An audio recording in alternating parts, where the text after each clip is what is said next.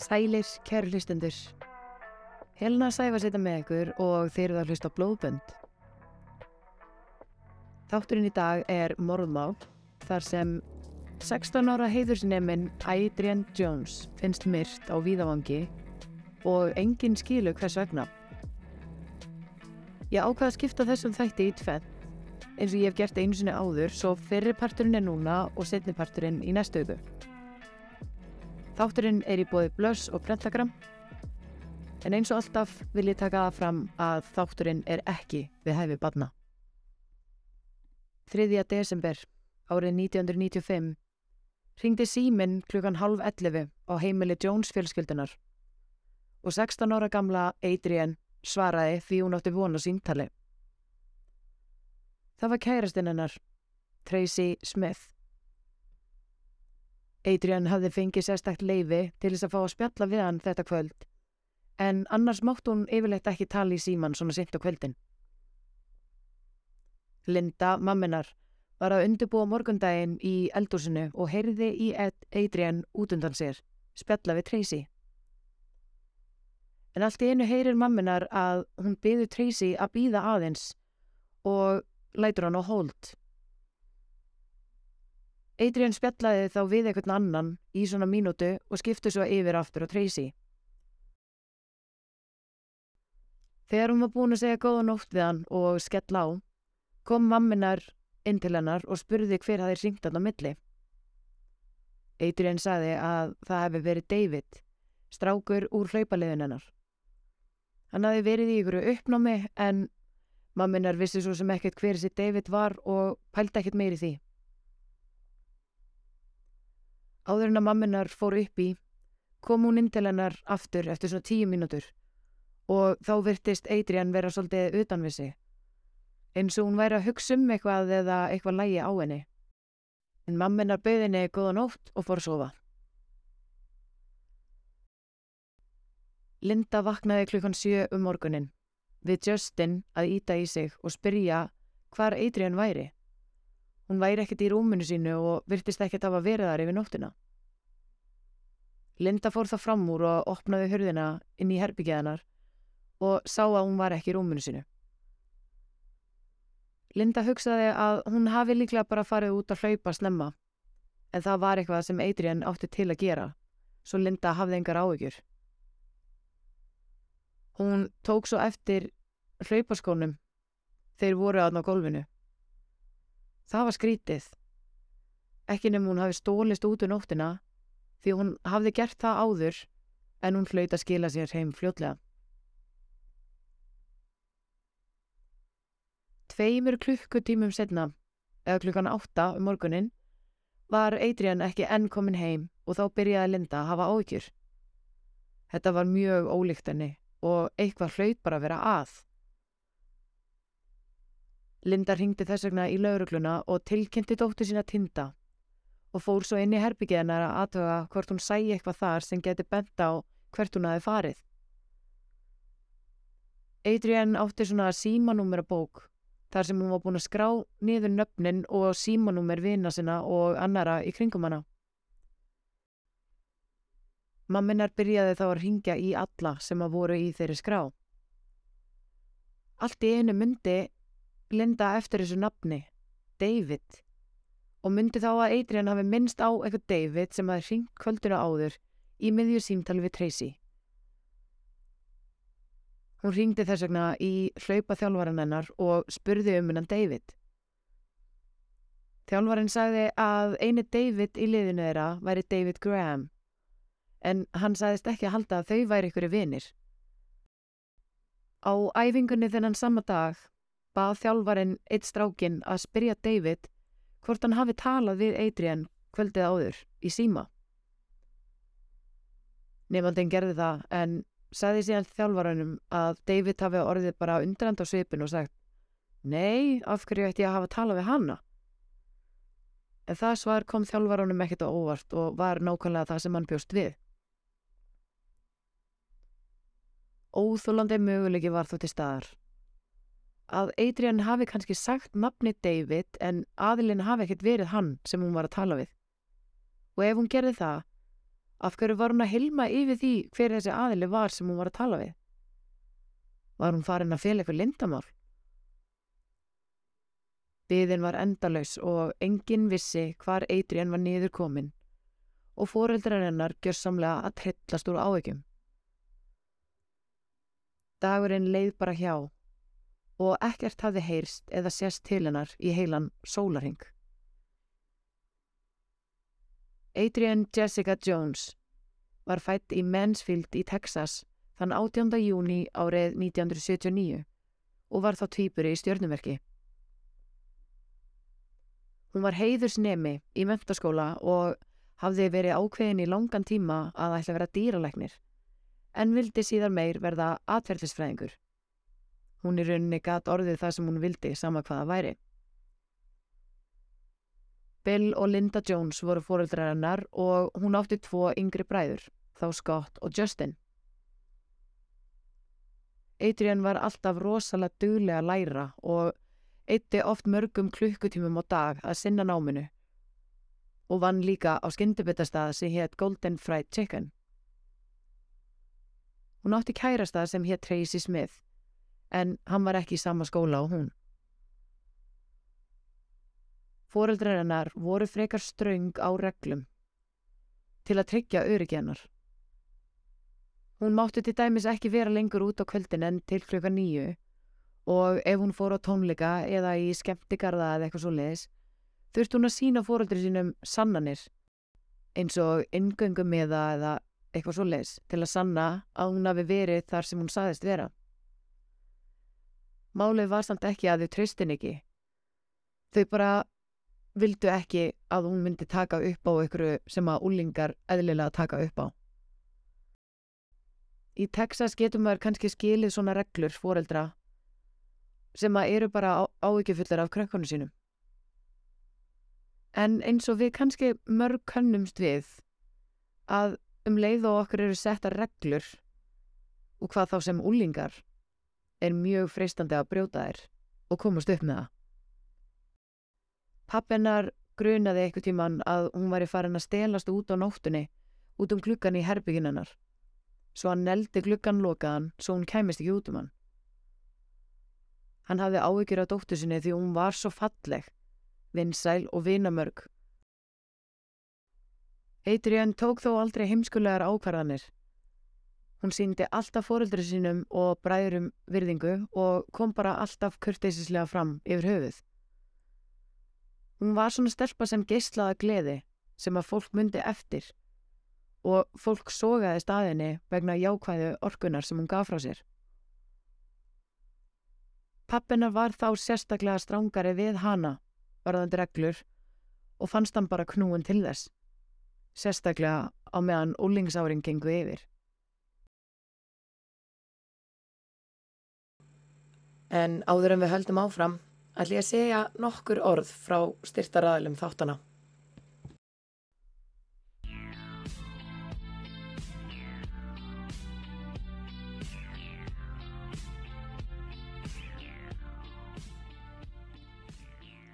Ertu að fara að ferma og vilt nota gamla góðamátan við að bjóða gestunum? Þú getur búið í bóðskort með hvaða mynd eða myndum sem er. Þú getur nota myndir úr tölfunni símanum eða einfallega með því að tengjast Instagraminu. Mesta snildin finnst mér hversu auðvelt forritið er til að búa til kort, því einfaldara því betra.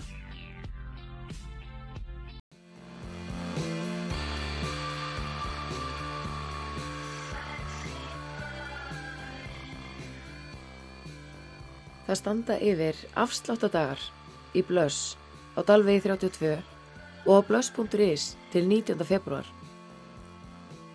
Við erum að tala um afslátt á öllum vörum í búðinni, svo láttu eftir þeir tækið sem þið langaði í. Undirfötin sem þið langar að klæðast eða komtu elskunniðinni á óvart með einhverju djús í stöfi. Ef þú vestlar á blöss.is fyrir 15 áskrónur eða meira færði fría heimsendingu. Nýtti þér afsláttadagana í uppáhaldsbúð okkar fullorða fólksins.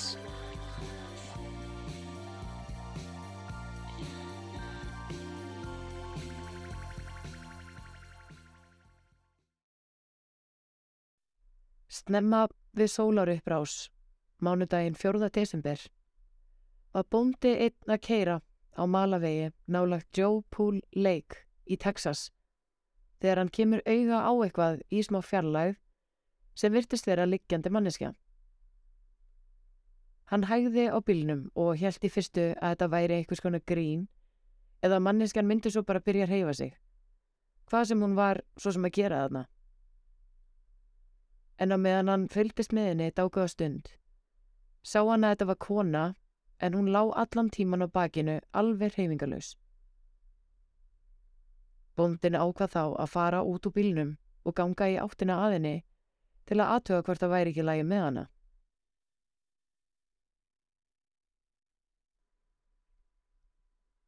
Hann sá svo þegar hann kom nær að unga konan var klárlega látin. Enda voru höfuð áverkarnir á henni miklir og mikið blóð út um allt.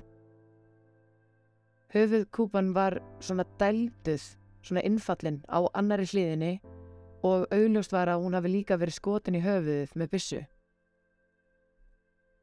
Bóndin þurfti smá tíma til að átta sig á að þetta var raunverulega dáin manneskja en hann ringdi strax í laurugluna og létt vita. Unga, látna stúlkan var klætt í hettupeisu og stuppugsur en enga skó. Hún var ekki með neyn skilríki á sér svo að hún var Jane Doe á þessum tímapunkti.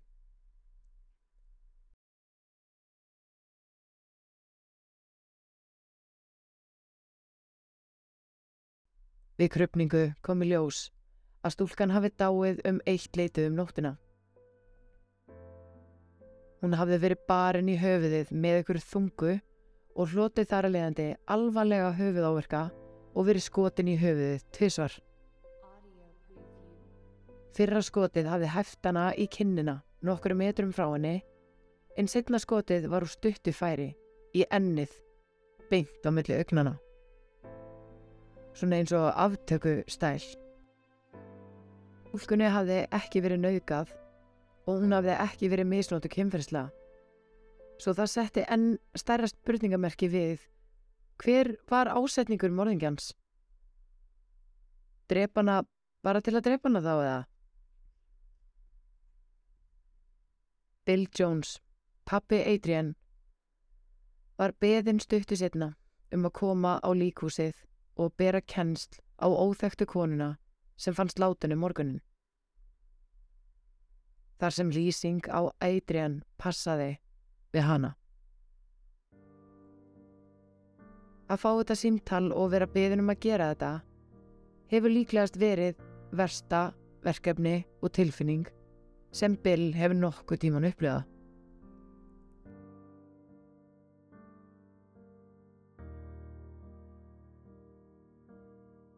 Það er ekki hægt að ímynda sér tilfinninguna á því augnabliki sem Bill, fadir hennar, sér að jú, þessi líflausa og skjelvilega illa farna stúlka var 16 ára litla dóttir hans.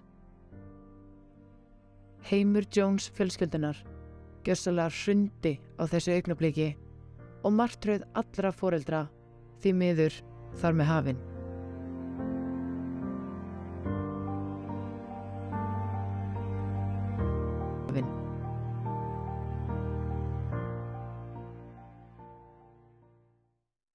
place out in nowhere land and she's been shot in the face and bludgeoned in the back of her head. And you don't know what what did this young sixteen year old little girl know or do because she didn't hate it that much. My husband had to go with the detectives and identify her body. I called all my family and, and I can still hear their voices saying, No, you're wrong. And uh, it was the truth. She had been shot and by somebody. No one could figure out why.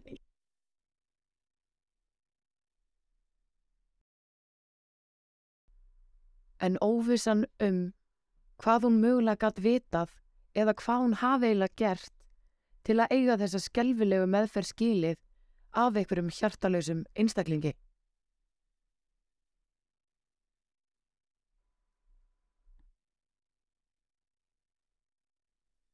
Herbergi Adrian var skoðað, leit út fyrir að hún hafi sjálf viljug farið út af heimilinu. Því ekkert óeðlilegt benti til þess að henni hafi verið rænt eða verið numinótt brott. Allt var á sínu stað, nákvæmlega eins og hún hafi skilið við herbyggi sitt. En þá var spurningin, var hún þá ekki að fara með einhverjum sem hún þekkti? Það lág gjörsanlega enginn undir grunn ef skoðað var með hverjum hún hafi mögulega geta farið sem hún þekkti. Því Adrian var bara þannig persóna að engum líkaði einu sinni illa við hana. Og var fólk gjörsanlega orðlaust úr sjokki við að vita að þetta hafi verið hún og hvað hafi komið fyrir hana. Kalla þurfti á sérfræðinga í áfallahjálp til að aðstóða nefnendur. Tré var gróðusett í minningu hennar við íþróttasvæðið og hannaður var minningarborði sem nefnendur gengur með á sér til að votta verðingu sína og heiðra minningu hennar. Í svona litlu samfélagi eins og þessu, sem sjaldan eitthvað svona hræðilegt gerist, er mál eins og þessi á vörum allra. Kjáftasugur fara auðvitað af stað og skiljanlega voru nefnundur skólans hrættir um að raðmorðingi væri bara að velja næsta fórnaland. Hvað ef morðingin væri bara einn af nefnundunum eða starfsfólki skólans og væri bara að ná staðunum að ráfa um og fylgjast með skafanum sem hann hefði valdið? Það gæti bara allt verið mögulegt. Samfélagið í heilsinni var gjössalega lamað af hræðslu og sorg. Linda stóð föst á því að aðilinn sem Adrian talaði við í síman væri sá sem myrtana og hún yrði að finna út hver það var. Því hún hafði einhverju svona tilfinningu gagvart hegðuninni sem að Adrian var að sína eftir síntalið. Adrian sagði David, liðis félagjanar í hlaupinu. Lauruglan var ekki eins og með David á lista yfir þá sem að þurft að taka viðtal við vegna málsins. Því að hann þótti bara það fjarlægur enni að engum dætt í huga hann hafi haft eitthvað tilgang til að ringi hana.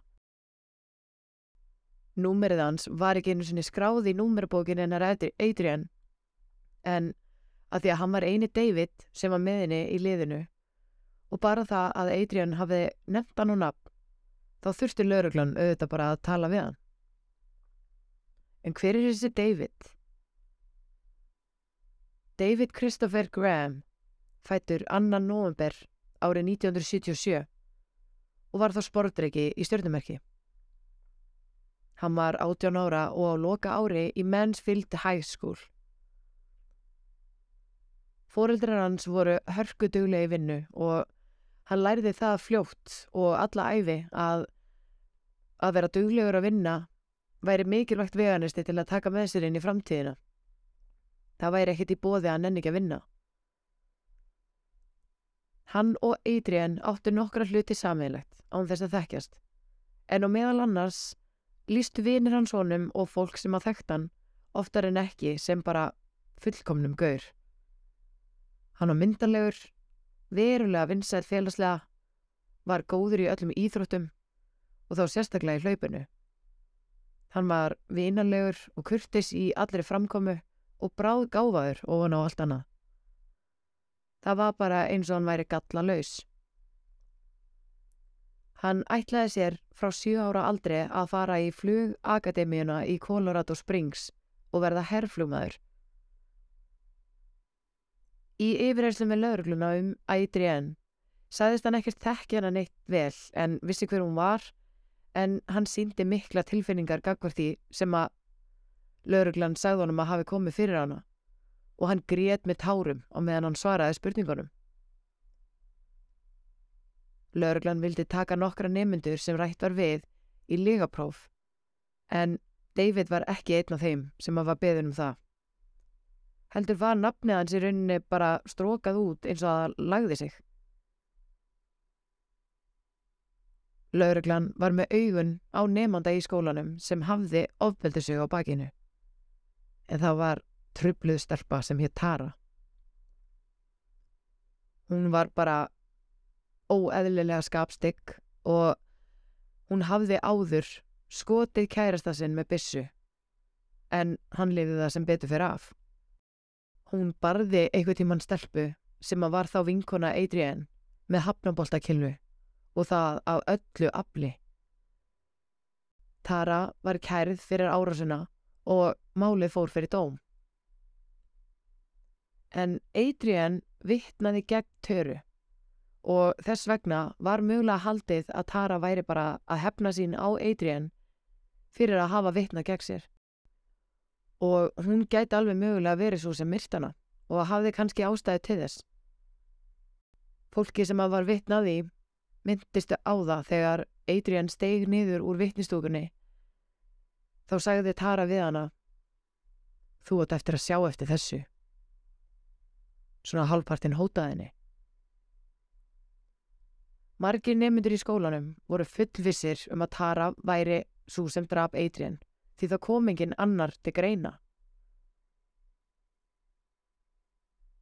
Tara lá langt mest undir grun þanga til að hún gatt sínt fram á fullkomna fjárvistasönnun. Það gati ekki verið hún sem gerði þetta á þessum tíma sem það gerðist og það var hægt að full sanna það. Þá byrjuðu foreldra Adrian að gruna að Tracy Smith, kæristun hennar, hafi eitthvað haft með þetta að gera eða jafnvel var sá sem virtana. Vegna þess að þeim fannst alveg opbóðslega skrítið að hann hafði aldrei samband við þau eftir morðið og það var eitthvað svo grunnsamlegt og kuldalegt. Hann var þá yfirherður og gæt líka sínt fram á fullkomna fjárvistasunnu. Svo hann hefði heldur ekki geta haft neitt með þetta að gera. Næsti grunaði nefandi var Brian McMillan sem var 17 ára.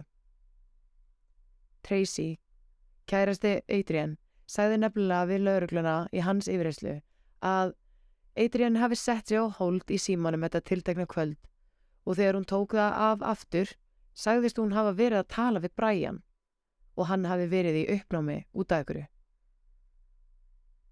En það var þó frekar undarlegt því Adrian sagði við mömmu sína að hún hafi verið að tala við David. Brian var vist mikill aðdáandi að Adrian og kannski óeðlilega mikill aðdáandi. Hann kom oft til hennar í vinnuna, einungist þess að spjalla við hana á eitthvað svona creepy hátt eða sitja bara og horfa á hana. Og henni fannst þetta óþægilegt og hann yfir höfuð óþægilegu gaur. Þegar hún sá hann í glukkanum nálgast veitingastæðin, á hljópumstundum inn og faldi sig. Já, lauruglan tók hann þá til yfirheyslu og Brian held í fram til að byrja með að þau þekktu steil ekki neitt. En þegar lengra leið á yfirheysluna og hann var spurður að því sama aftur og aftur og aftur, sagðist hann þekkjana og þau hafi bara verið vinir. En það er eitt á hreinu að Adrian hefði líklegast neitað fyrir að þau væri ykkur vinir því hún forðaðist hann og fannst hann ekkert nema creepy. Nóttina sem Adrian var myrt, sagðist Brian hafa verið dauð á drukkin því hann hafi verið svo þunglindur og liðið svo illa yfir því að allir vinir hans áttu kærustur nema hann. Hann sagði að hann hafi ekki snert áfengi í hálft ár, en þessa nótt hafði hann gjörsamlega hrunið í það, svona svakalega líka. Hann heldi fram að hann hafði alveg mögulega haft einhver orðaskipti við hana, eða það var alveg mögulegt að hann hafi farið meira þess að heim til hennar, en hann bara myndi ekki eftir því. Hann var þá handtekinn fyrir grun um morðið á Adrian. Vinir Bryans reynda að koma honum til varnar með að segja við lögurgluna að hann myndi aldrei gera neitt í líkingu við þetta, það væri bara ekki sjans. Pappi Bryans stóð fastur á því að Bryan hafi bara verið heima sofandi nóttina sem Adrian var myrt. En þrátt fyrir þetta var hann í gæsluvaraldi í þrjár vikur Þegar þeim var að ljúka uh, var hann tekin í legapróf sem hann stóðust. En ekki bara stóðust, heldur var ekki nokkur möguleiki á að hann væri að ljúa á meða við niðurstöðunar úr legaprófunu. Honum var þó sleft úr haldi, en fóreldrar Bræans kerðu laurugluna fyrir að halda honum svona lengi þegar engar sannanir eða rauk yfir höfuð lágu fyrir, sem er skiljalegt svo sem. Bræan var bara með heimskuli svör og hljómaði bara illa án þess að vera að reyna það. Fóreldrar Adrian og Tracy urðu þá aftur undrandi. Við hvern var hún þá að tala á meðan hann var að hold í símanum? Af hverju laug hún að það hefði verið eitthvað Brian eða var svo ekkit hann? Í heila nýju langa mánuði miðaði rannsókn málsins ekkert áfram og byrjaði að kolna þar sem ekkert annað kom fram sem leittu laurugluna í einhverja átt. Það voru ekkert aðrar en kæftasjögur sem fóru eins og eldur um sinu um skólan og um allt samfélagið og voru foreldrar Adrian buguð af sorg því það leita allt út fyrir að morðingin kemist mögulega upp með morðið á dóttu þeirra og það stakk í hjartað. Allt í einu barst síðan lauruglunni tilkynning frá ungri konu sem var á fyrsta ári í sjóhersakademíunni í Maryland.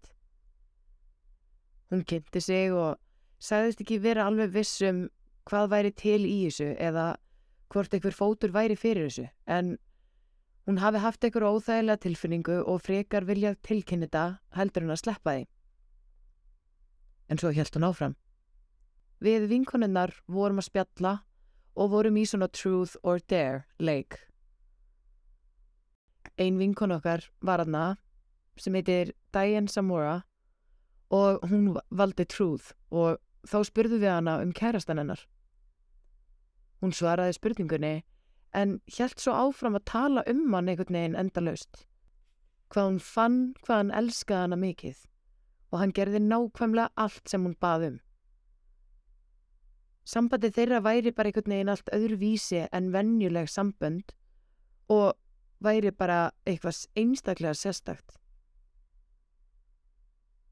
Við sáum allar að það kom einhver svona undarlegur svipur á hana þegar hún var að tala og við vissum ekki hvort það væri reyði eða, eða gleði.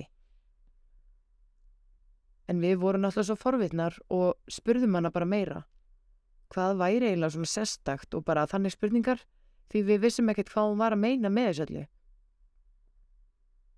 Þá var dægin frekar vandræðilegi framann og sagði bara orður rétt við okkur Við elskum bara hvort annað þannig að hann var tilbúin til að myrða mannesku fyrir mig en við enduðum sig hann bara á að gera það saman. Þá frusu við allar bara, ha, myrða mannesku? Þá sagði hún, já, við urðum að gera það til að bjarga sambandin okkar. Þið megi samt ekki segja neinum, en ég er bara frekar stolt af þessu. Þá vorum við vinkununa bara orðlausar í smá stund og vorum bara eiginlega ekkert að trú henni, hún hlauta að vera að ljúa þessu. En við spurðum hana þá, og hvað, hver var þessi manneskja? Og þá hafi hún sagt, Adrian Jones.